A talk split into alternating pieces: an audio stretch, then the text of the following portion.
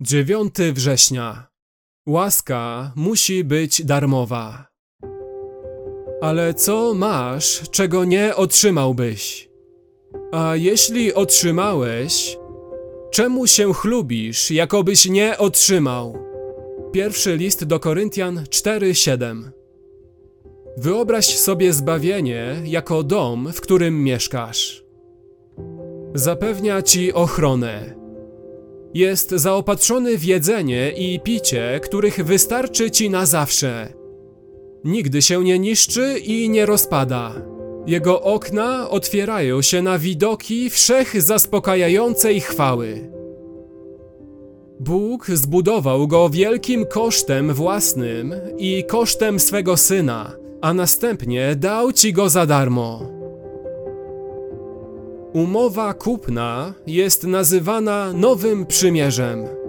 W warunkach umowy czytamy: Dom ten stanie się i pozostanie Twoim, jeśli przyjmiesz go jako dar i będziesz rozkoszował się ojcem i synem, którzy zamieszkają ten dom razem z Tobą.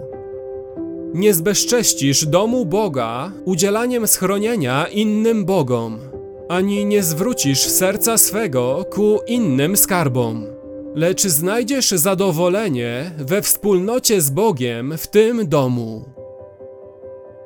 Czy nie byłoby głupstwem powiedzieć tak tej umowie, a następnie zatrudnić prawnika, aby sporządził harmonogram z comiesięcznymi spłatami w nadziei wyrównania rachunków i zapłaty za dom? Nie traktowałbyś już dłużej tego domu jako dar, lecz jako zakup. Bóg nie byłby już dłużej dobroczyńcą oferującym dom za darmo. A ty zostałbyś zniewolony nowym zestawem wymagań, których on nigdy nie zamierzał i nie myślał, aby na ciebie nałożyć.